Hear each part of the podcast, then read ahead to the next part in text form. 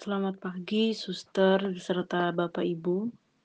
Marilah kita bersama-sama mendengarkan serta merenungkan sabda Tuhan pada hari ini. Namun sebelum itu, marilah kita bersama bersatu di dalam doa. Dalam nama Bapa dan Putra dan Roh Kudus. Amin.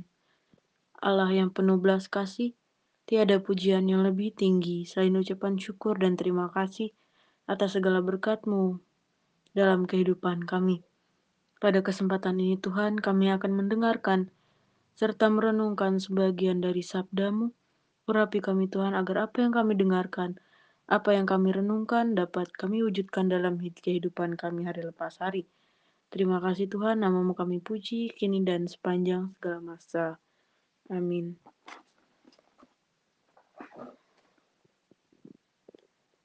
Inilah Injil suci menurut Matius. Dimuliakanlah Tuhan.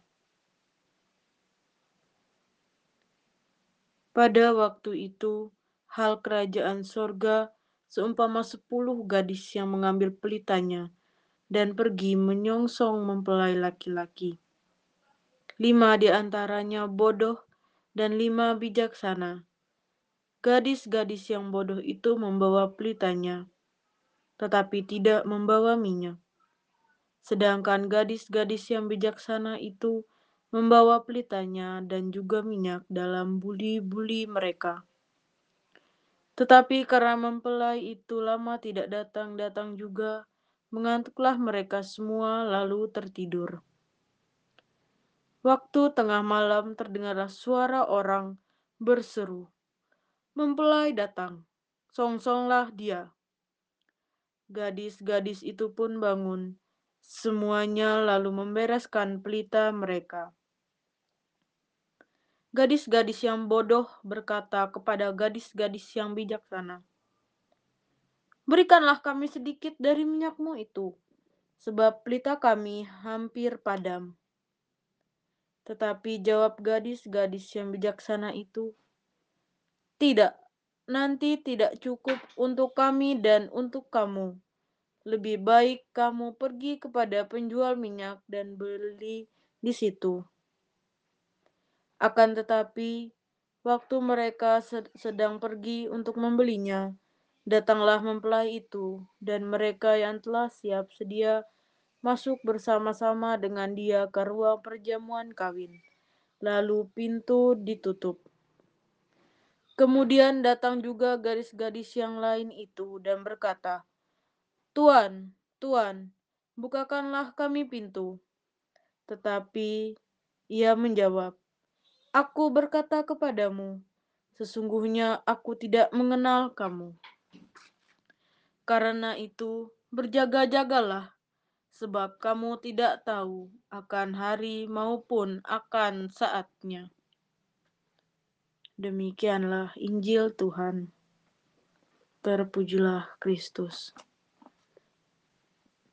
Dari Injil yang dihadapkan pada pagi ini, ada pertanyaan sederhana untuk merenungkan perikop ini.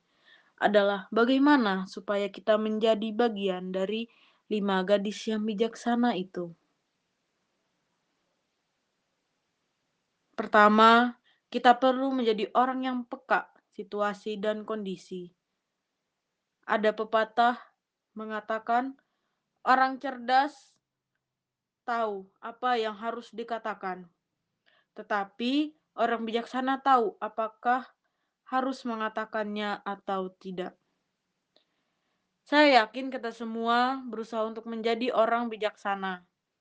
Maka mari kita selalu mohon rahmat Tuhan untuk itu.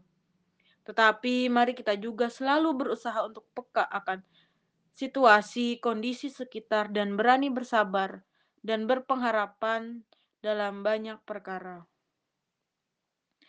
Tentu tidak mudah, tetapi kita bisa berusaha. Demikian renungan yang dapat saya sampaikan.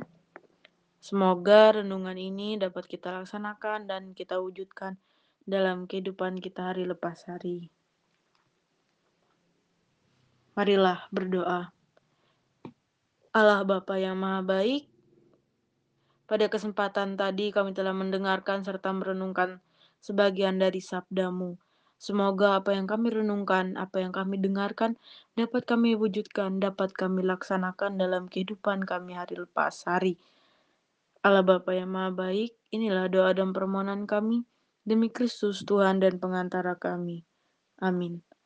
Dalam nama Bapa dan Putra dan Roh Kudus. Amin.